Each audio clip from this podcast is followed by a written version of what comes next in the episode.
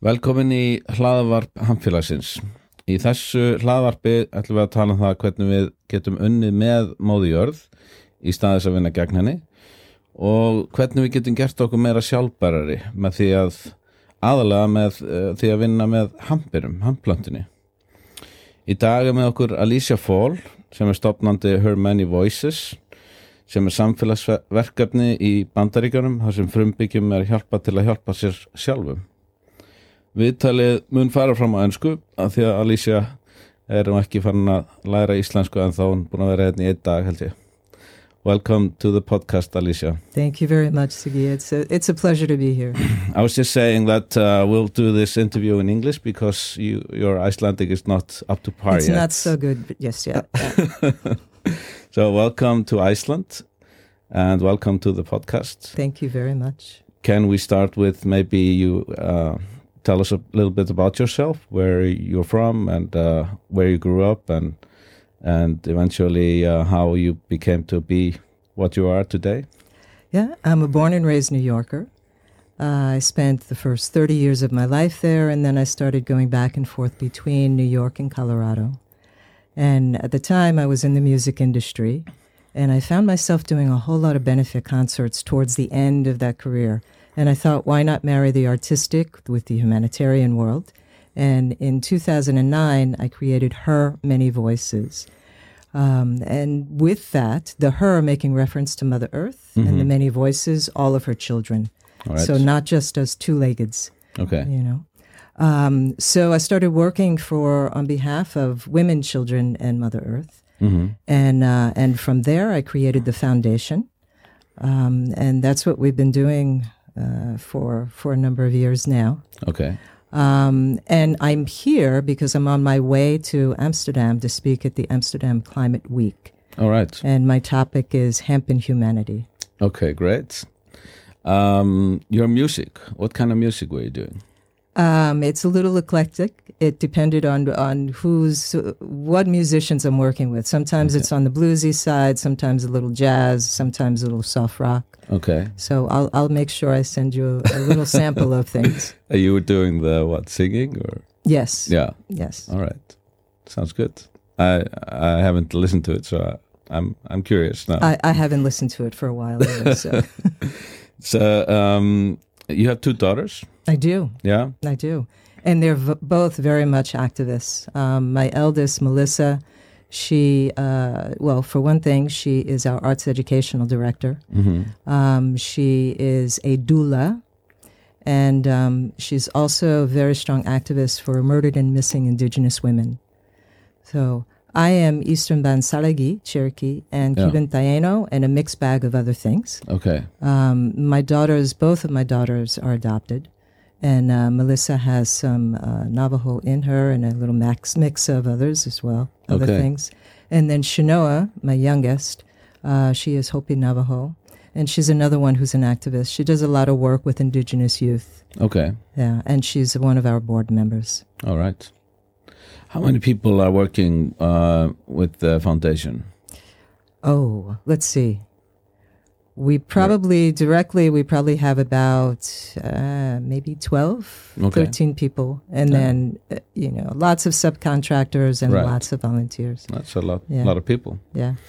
Uh, and so, where uh, can you tell us a bit, little bit more about her many voices, about uh, your projects, where you're doing them, and uh, and how you do them? So we provide practical education and resources for underserved communities and predominantly within indigenous women's communities. Okay. Um, in 2010, there was a massive earthquake in Haiti. hmm And shortly after the quake, I met a woman who is Haitian uh, and working within the educational system in rural areas there. And so I met Tamar Kantav is her name um, shortly after the quake and found myself saying, uh, you know, whatever it is that we can possibly do. And at the time, I felt like I'm just one solo uh, musician. So what do you get? What do you get to do, Alicia? Yeah. And it's pretty amazing what you as an individual get to do in this world and how you can have an impact. hmm You know, for me, I started looking at um, if you're on stage, you have that automatic audience and people pretty much listen to you. Yeah. So uh, I returned home and started talking about the food insecurity as well as the housing. Obviously, you know, I mean, 300,000 people lost their lives during that quake, Yeah. um, and more have happened since then. So Tamara and I um, focused within the women's groups. And originally it was about education for their children, as well as doing personal trainings for them and their businesses. Over the last six years or so, since I've done a lot of focus within the hemp industry, predominantly because I was looking at these folks in Haiti going, we can do so much better as far as their housing is concerned Yeah. and as far as food is concerned. You know, there's just, as you know, there's just so much you can do with this plant medicine Absolutely. um, between food, shelter, uh, you know, the fact that it is medicine, clothing. And so the folks there have really kind of taken a shine to it. Now, um, hemp, industrial hemp, CBD, all of that, marijuana is still illegal, quote unquote, in Haiti. really. But we're meeting with everyone from top in the in the political structure to the small business person to the local farmer. And there is an interest in, and there's uh, we've taken on the educational component of it. okay. As a matter of fact, are you familiar with um, with Hanna Gabrielova out of Czech Republic? No, not sure. No. Um, Hannah, um, she is wonderful about educating people, and she also she has a seeds company in the Czech Republic. Um, Hannah came with us, and she did a little educational workshop, and we brought other people in from the states as well to uh, to Haiti to speak to people about these are the benefits, and the Haitian government follows the U.S. government, Okay. um, and since the U.S. has pretty much Yeah. said, "Okay, you're good to go," Yeah. you know, it's just a matter of time. So, and they're very open to the fact that I can build a home Mm-hmm. that is going to be a lot more earthquake resistant Right. than what we've ever used before. Exactly. Yeah. So, Yeah, it can move. The house can move with the earthquake. Yeah. yes, yes. And they don't have to worry about things like pests and the mold and that sort of thing, especially Yeah. with all of that humidity. So it really started there, but now we work with indigenous peoples within the U.S. as Mm-hmm. well. Yeah. Um, and so my primary focus at this point is to create a hemp longhouse community. Are you familiar with No. longhouses? Now, now you have to tell me about that. so as a, and this is basically a template because all tribal peoples, we all have our structures. Within the Salagi, within the Cherokee community, the longhouses were typically built with cedar long poles. And multiple families would come, they would live under the same rooftop, and they would take care of each other and the land. hmm And for many of us today, we're recognizing we need to return to that, Right. right? I, we refer to this as indigenous wisdom for modern challenges. And I don't care where in the world you're from, we all come from that tribal background. Yeah. Our peoples came together, we took care of each other, we worked together. And so it's time to return to that, the simplicity of it. Right. We had something similar in Iceland back in the days. Uh, You know, people had this one house with fire in the middle hmm where uh, everybody gathered around. And, and uh, yeah, so it's pretty much like that, right? Yes. So many families living under one roof. Yes. Yeah. And and for us, you know, we want to build this as a community. So the longhouse structure would be for education, hmm you know, to bring people in and to teach them anything from seed all the way to end product of, Right. of this plant. Um, and we've got a lot of interest from from different communities. So, So you talk that you you talk about hemp that you work with hemp. How, how did that come by? How how did you start to you know what what happened so that you started to show interest in the hemp plant? Well, at the time, in particular, uh, working in Haiti, recognizing there was one one pivotal moment for me. I was standing in front of this this home.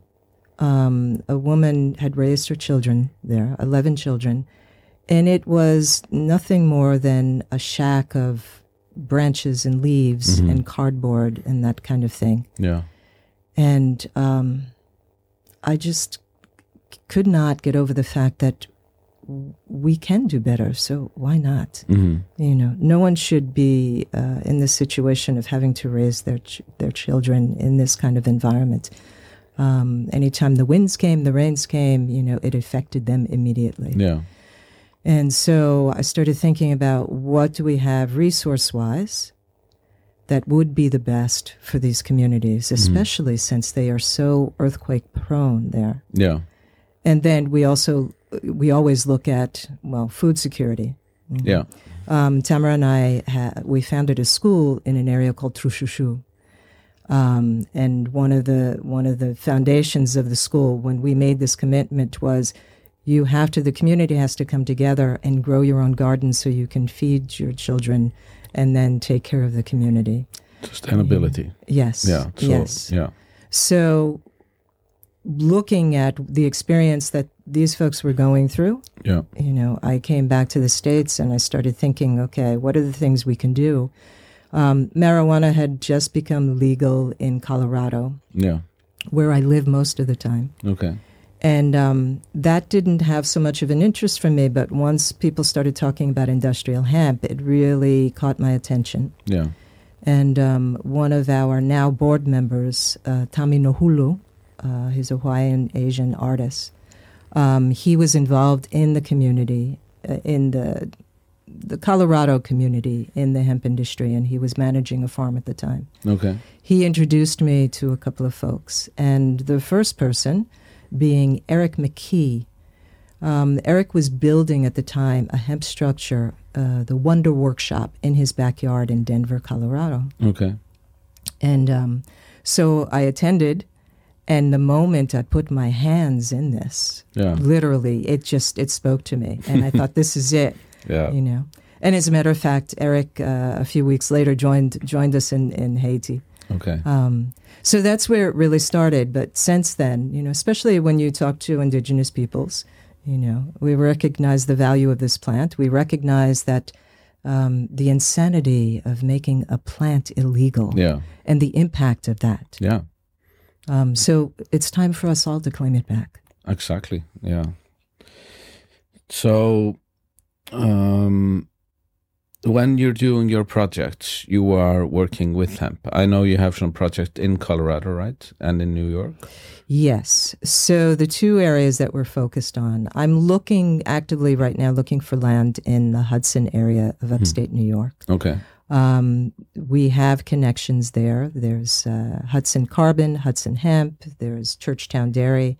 They're all involved in the hemp industry in some way, shape, or form. hmm And we've done some little partnering along the way. We're looking to expand that. And within that area, it's um, traditionally in that community, it was uh, Mohawk people, the Akwesasne Nation. Not too far, we have the Penobscot tribe, which is in Maine, and there are a couple of other tribes in that area. hmm Um, my focus is really to bring in the indigenous community there. In Denver, it's a little different because it is the city environment. So you get a lot of people, maybe not on a res, um, but people who still hold on to their uh, their community and their culture. Yeah. Um, so it would be more of a it's an urban area. So when we do these workshops, you know, we get a mixed bag of people from different communities. Yeah. Uh, Right. So your talk um, in Amsterdam, what's that going to be about? um, I've got a few different Without, talks. you know, yes, yes. Without ruining it. yeah. So um, the opening, I'm I'm going to be on a panel with uh, with a couple of different folks, and Noam Chomsky is one of the gentlemen who said yes to this. Um, so it's quite an honor because he is he was very much is very much an icon for my generation. Um, and we're just doing an opening on climate change, and you know there'll be a number of questions. I'm not quite sure what all they want to uh, cover on that day. hmm But then I will be speaking on hemp and humanity. And then I'll talk about the deforestation in Haiti.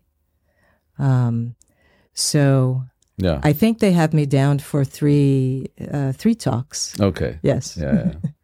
so you're talking about hemp and um, and uh, environment, hemp Yes. and uh, Hemp and humanity. and yeah, right. Yeah. So that really does cover a broad spectrum. Yeah. You know, it's about it, social justice, environmental justice. In your TED talk, you talk, you say that uh, just by doing something um, positive, you inspire other people to do the same. Yeah, I mean, people, uh, we have a tendency of kind of shrinking ourselves and thinking, well, who am I? hmm You know, the, the, the need is so big, so who am I? Yeah. And we can take these little actions. We don't have to be the big person on the big stage with the big microphone. You know, in the in the TED Talk, I, I speak on look into the eyes of the next person you meet, hmm and truly ask you ask someone, "How are you?" Yeah. Be present for that response. Mhm. You know, because it can make a huge difference in someone's life. You don't know what someone is experiencing at that moment, Yeah.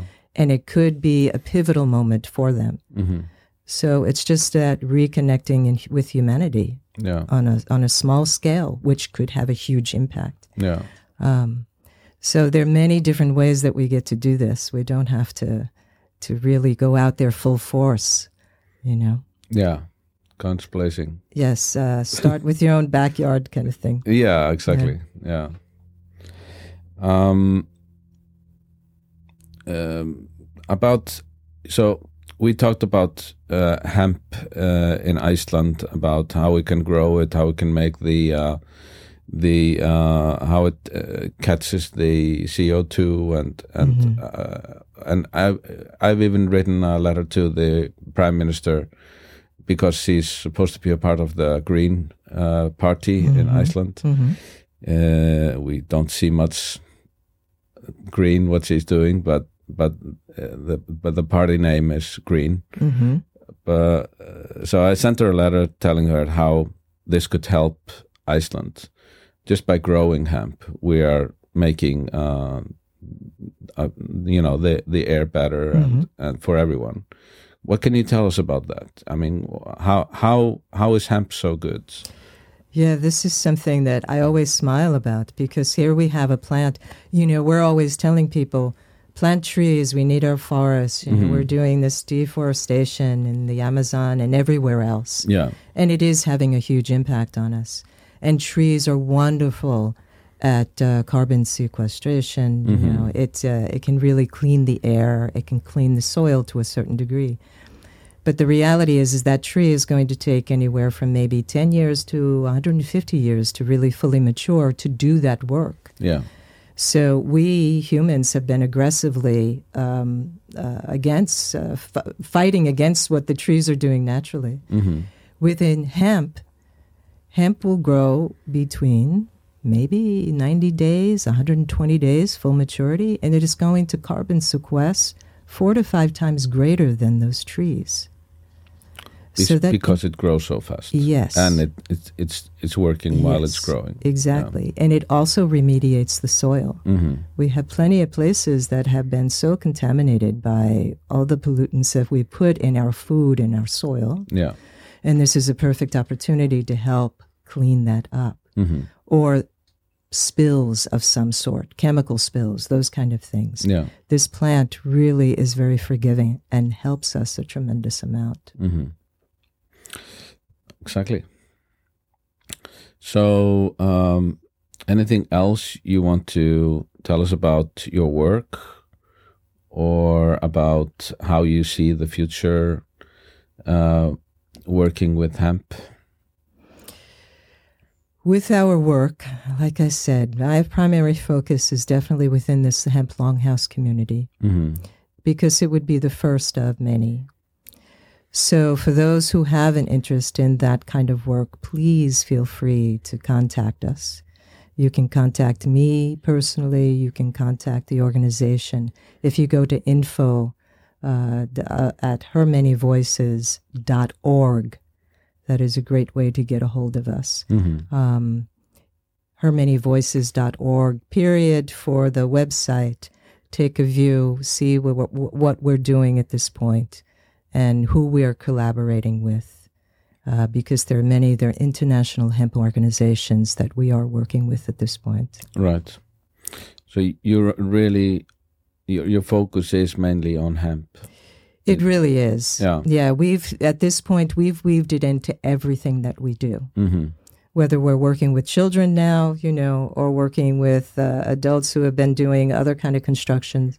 Um, we've we've partnered with people who have been in the bamboo industry as well as Yeah. people who have worked traditionally in the the uh, the concrete uh, cement industry, hmm um, and it makes for a transitional uh, product as well. Yeah. You know, sometimes we look at we'll look at a cement or concrete um, business and go, oh well, you know that's bad for the environment. You need to do this, and like you can switch a uh, flip a switch. Yeah. It's not fair for the business people. No, no, no. So there are ways where you get to infuse the hempcrete with concrete and other materials. Exactly. Yeah. And so it can be over a period of time. And, Yeah. you know, eventually we can all get to a place of a lot more sustainability and a lot more gentleness on this planet and each other. Yeah. We're actually building our first um, hemp house in Iceland. I, I think there are two being built at the moment. Uh, one on the, uh, the on the west side, uh, and one that the uh, Hemp Association is building with with uh, some architects. So it's gonna be it's gonna be great to see that um, see that come to life, and it's gonna inspire a lot of people. I, I, I I will guarantee it will inspire. You know, like I said, the moment I got my hands literally in this Yeah, and helping to build a structure, that mm-hmm. made all the difference. You know, the plant can speak to you if you're open to that, but then you you really have an appreciation for all that it can do. yeah, You know, from everything from those outside walls to your insulation to your flooring, you name it, you can use hemp. As a matter of fact, we have partnered with, we do CBD products out of Colorado and in New York. Is that the name of it? No, so it's Her Many Voices, Yeah. and then we have our CBD yeah, product you, you line do from your it, yeah, okay, yeah, and um, and so with the product line, we partner with Pure Hemp Technology. They're in Fort Lupton, Colorado, right, and um, and Ed Lehrburger, who is the founder, the owner, he's been in business for about twenty seven years now, and um, you can do everything from oil with them to uh, plastic frisbees, you know, because it's a hemp plastic, it's a bioplastic. yeah, yeah, So the company looks at how many different ways can you create product, right, and it seems almost endless. You know, you always hear, oh, I hear anything from, oh, there are twenty five thousand to fifty thousand uses. yeah. You know, I don't know that there is an end to the number. I don't think there is an end Yeah. actually. yeah. Yeah. So thank you very much for uh, coming to our podcast and uh, explaining about her many voices and about what you do. Um, if there's something you want to say to the Icelandic people, now's your chance. All right. Well, first of all, thank you again, Siggy, for for this invite. It's uh, it's a wonderful treat. I think this is my sixth or seventh visit to Iceland. I I really enjoy coming here. Um, I would share with you our core value at Her Many Voices is whatever I do for another, I do for myself. Just remind yourselves each day of how connected we are to each other as well as all of the environment Right. the rivers, the rocks, the trees. Right.